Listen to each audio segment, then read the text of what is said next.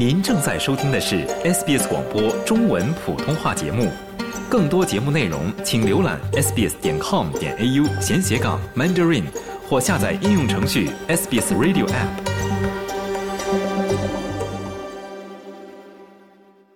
叶秉辰，影视动作演员，青年武术家，国际武术冠军。来自中国北方的叶，自幼便对着武术及各种运动有着浓厚的兴趣。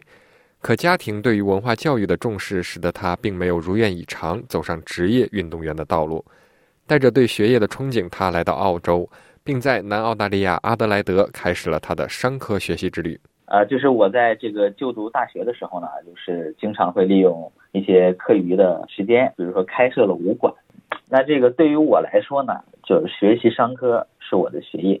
但是呢，教授武术、传播文化，不仅仅是我的兴趣爱好，也更像是我的职业。呃，这可能就都算是我在独自在澳洲生活的一些动力和陪伴吧。嗯，就是还是喜欢武术。哎，对，更多一些热爱这个东西。那么，当然，出于对功夫的热爱，让他并没有间断练习，并且在二零一五至二零一九年间也取得了一些不错的成绩，蝉联三届澳大利亚武术锦标赛冠军，蝉联两届大洋洲国际武术锦标赛冠军。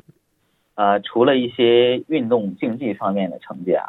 我也会去做一些武术文化推广的工作，每年都会在当地的一些中学、小学和高校。进行武术、太极拳以及中国文化的讲座，然后呢，因为我搞这个时间比较长嘛，就是久而久之，大家也给了我一个亲切的称谓，就叫叶师傅。对，因为这个叶问的那个啊比较火嘛，近几年。对对对。所以就是一般大家遇到姓叶这个姓，都会说啊叶师傅，就很很有意思。对。那么你可以聊聊之前的武术经历吗？呃，主要练习的拳种都有哪些呢？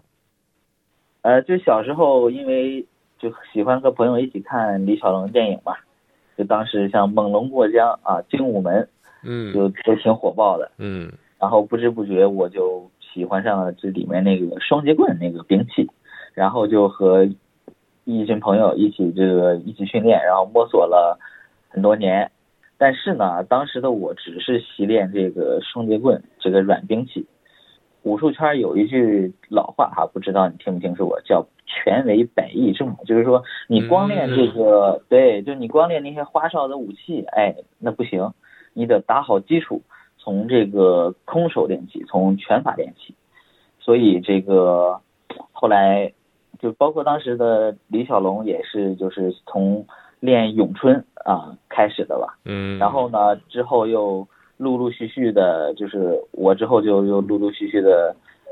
跟了不同的教练，然后寻访过很多不一样的师傅啊，然后又练习了八极拳、太极拳、少林拳啊、咏春、螳螂啊，也演练过自由搏击、散打，然后还有甚至于这个跆拳道啦、啊柔道这种偏现代一点的武术，都都有接触。嗯，那么也是因为你此番的坚持和对武术的热爱啊，也同时呢会受到一些电影或者电视剧组的青睐。嗯，对的，是的，有的时候会有一些动作片的剧组会找到我。嗯，我们也了解到你接触到了真人快打这部电影，那你是否也想过自己可以突然就把功夫运用到了电影拍摄中，就运用到生活中了呢？啊，其实我一直有这样一个想法，但是没有就是会想的来的那么快。就是参与真人快打这个电影对我来说算是一个转机吧。他就是拍完这部电影呢，他让我真正的啊，就实地的体验到了和参与到了好莱坞大片儿它如何拍摄，然后制作，然后同时也让我把这个眼光更多的投向了呃影视动作啊，就是动作演员这个行业。嗯，就因为。对，因为你练功夫、练武术的话，你不能说就自己窝在家里练嘛。你要想把这个文化东西推广出去，就需要很大的平台、更高的平台。所以就是你成为一个呃影视动作特技演员，就也是一个挺不错的选择，就能把你练过的一些东西啊，就在大屏幕里给展示出来。嗯，自此叶秉辰也开始了他的影视职业生涯。因为之前的工作经历和自己的武打动作技能，叶秉辰有机会进入漫威首部华裔超级英雄电影《上汽与十环传奇》的剧组，在那里，他找到了更加热爱的事业。呃，因为我是作为一名动作特技演员嘛，就是一般就是前台和幕后的动作都会涉及到一些。啊，一般前台的话，我们就是主要做一些武打动作的表演啊和特技，然后呢进行一些高难度的动作的表演。对，然后幕后的话就基本上就是啊动作编排、动作动作设计，然后武打动作。呃，拍摄之前的一些测试啦、testing，然后帮助演员去训练、指导动作，就等等一系列工作都会涉及到一些。呃，然后在《上汽》这部电影呢，就是屏幕前我是担任的一名叫呃塔罗村庄啊，就是袁华老师手下的一名弓箭战士。然后幕后的话，主要是担任了这个呃村庄的这些战斗的勇者的原型。呃，武打动作测试和这个戏服测试演员，嗯，然后呢，跟对，然后跟这个导演组啦，就根据就这个会比较重要一些，就导演组根据我们的表现啦，就是再去进一步的去完成去设计这个小角色的细节。然后呢，因为当时我属于是第一个穿上这个角色原创的这个戏服嘛，就当时他们就很多啊，你知道电影做的保密工作也很严。进进出出都要就是套上那种黑色的袍子，就不要让人看到、拍到，用来遮盖。那么听你这样说，漫威剧组也是非常的辛苦，并且保密严格。那么你平时拍摄会遇到很多的困难与挫折吗？嗯，其实是漫威剧组的，就就澳洲这边的大多数剧组啊，它的安排还是比较合理的，就是没有说会特别特别的让人。感觉到疲惫啊，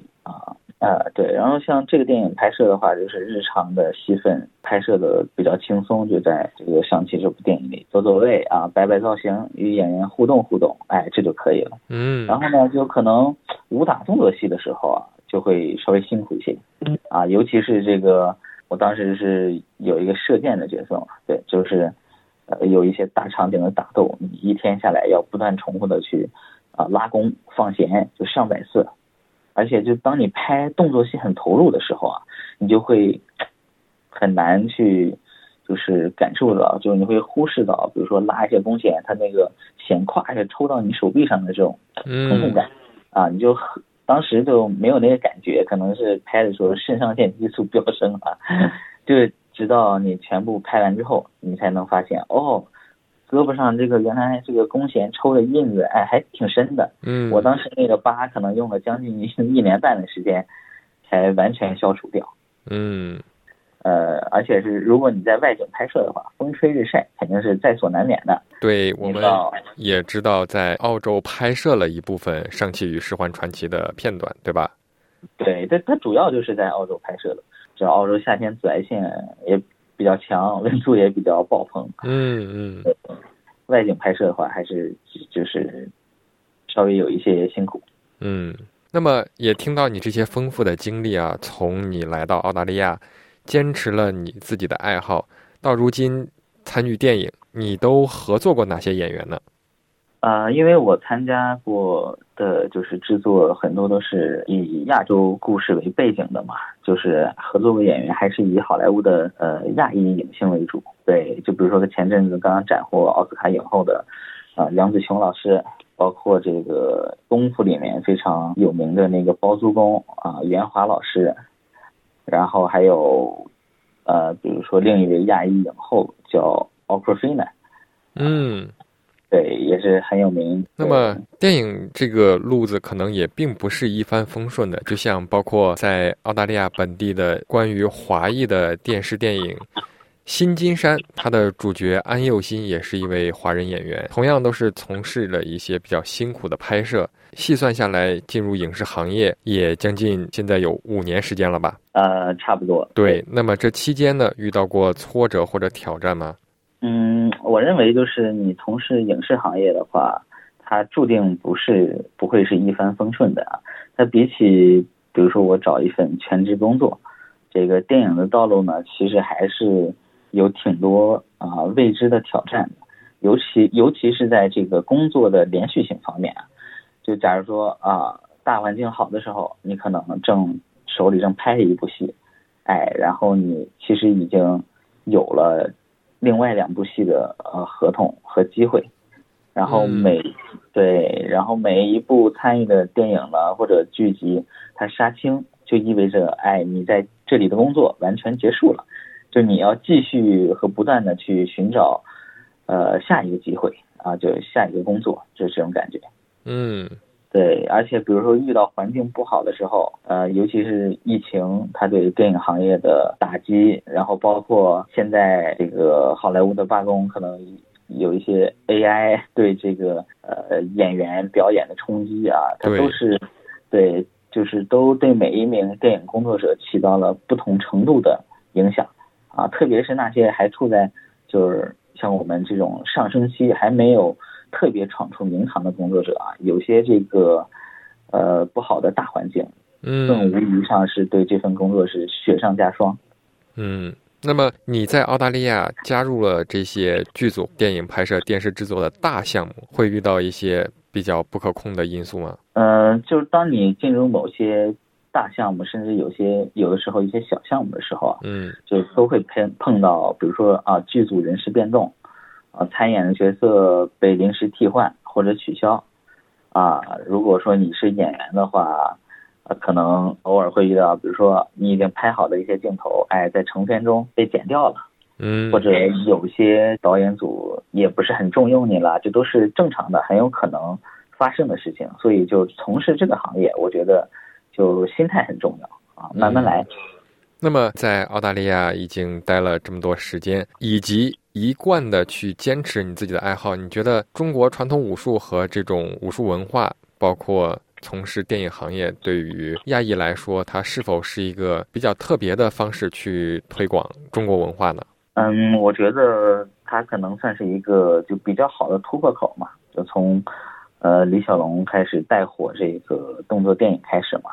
然后近几年慢慢的好莱坞中亚裔演员的身影也越来越多，然后嗯优秀的华裔演员也不胜枚举嘛，也有很多。就是虽然在好莱坞的影视幕后，呃，相对华裔电影工作者的比例还是占一小部分。可能大家看新闻报道啦，都觉得啊，海外华人仿佛这个更多的在啊金融啦、经商啦、餐饮啊、服务行业这种领域，就是会发光发热。但是我觉得，其实，在每一个领域啊，都有一些默默努力的这华裔呃文化工作者，就文体工作者，比如说体育、艺术、新媒体创作，嗯。对，嗯，然后当下制作的一些亚裔的跟亚裔有关的电影啊，华裔的故事，可能有的时候它纵使上会有文化上的不够理解和这个文艺技巧上的水土不服啊，但是可能这个东西慢慢的也会通过更多的华人的电影人的努力，去一点点改变，可能会我相信会在未来做得更好。嗯。那么你在澳大利亚的这段时间中，有没有过比较印象深刻的与澳大利亚本地人或者说与澳大利亚文化产生互相交融影响的事例呢？呃，其实这种的就还蛮多的，因为呃，澳大利亚它本身就是一个呃比较多元文化的国家嘛，然后我也会经常参与到澳洲本地的一些啊活动，就是因为我每年都会在这个澳大利亚开设很多呃武术课程，然后武术在这个中小学和大学里进行一些武术的公开的和文化的相关的讲座嘛。嗯，对，就是还有很多人各个年龄层段对这个中国的武术和文化感兴趣的，还是挺多的。其实，嗯嗯、呃，所以说未来的话，我可能会更多的在电影媒体方面这个倾注更多的精力。如果想把这个一个文化推广的更好啊，并且得到更多的机会，就要走出去。呃，拍电影不管是台前幕后，可能都会去做一些。啊，因为如果想把这个一个文化推广的更好，得到更多的机会和认可，就要走出去。想听到更多这样的故事吗？您可以通过苹果播客、谷歌播客、Spotify 或者您喜爱的方式下载收听。